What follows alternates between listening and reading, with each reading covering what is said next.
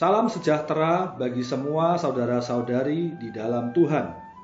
Di tengah masa pandemi yang berkepanjangan, yang kemungkinan mengauskan iman dan harapan kita, kami dari Yasperin ingin menguatkan anak-anak Allah dengan program Firman Tuhan di tengah pandemi.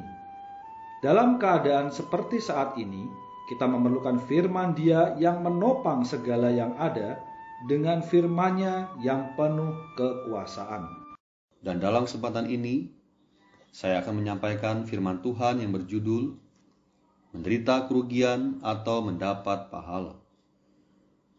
Firman Tuhan kita ambil di dalam 1 Korintus pasal 3 ayat 15.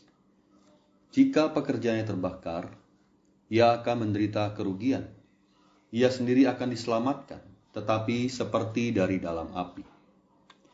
Kata menderita kerugian dalam ayat 15 bukan berarti binasa. Karena keselamatan kita bersifat kekal, maka kita tidak akan binasa. Namun, apabila Anda menderita kerugian, maka keselamatan Anda akan seperti melewati api. Banyak orang Kristen mengabaikan ayat ini.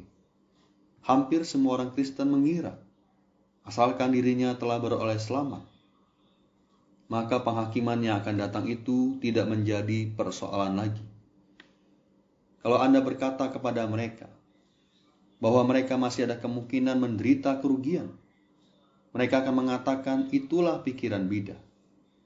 Namun, kita harus mendengarkan apa yang diucapkan Paulus dalam 1 Korintus pasal 3 ayat 15 yang sangat jelas itu. Paulus mengatakan dengan jelas, jika pekerjaan terbakar, ia akan menderita kerugian. Pekerjaan apakah yang terbakar? Yang akan terbakar ialah kayu, rumput kering, dan jerami. Apakah yang dimaksud dengan kerugian itu?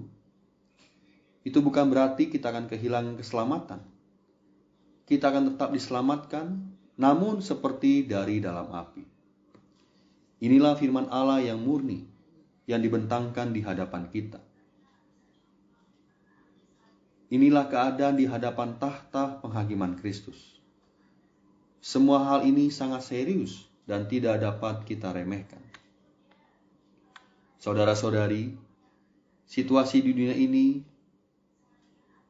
sangat menyusahkan dan tidak pasti, baik kesehatan, ekonomi, dan lainnya. Ada satu hal yang pasti, kita akan berdiri di hadapan tahta pengadilan Allah untuk memberikan pertanggungjawaban atas kehidupan maupun pekerjaan kita. Tuhan akan memeriksa catatan kita untuk kemudian menetapkan apakah kita berhak mendapat pahala atau menderita kerugian. Sekarang ini, jika pergumulan yang kita alami, baik dalam kesehatan, ekonomi, atau lainnya, tidak membuat Kristus bertambah, yaitu iman kita bertumbuh, maka ini adalah kerugian. Kita sendiri akan diselamatkan, tetapi seperti dari dalam api.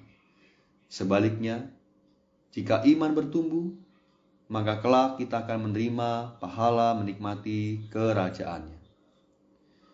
Demikianlah firman Tuhan. Kasih karunia Tuhan Yesus Kristus menyertai kita semua. Amin.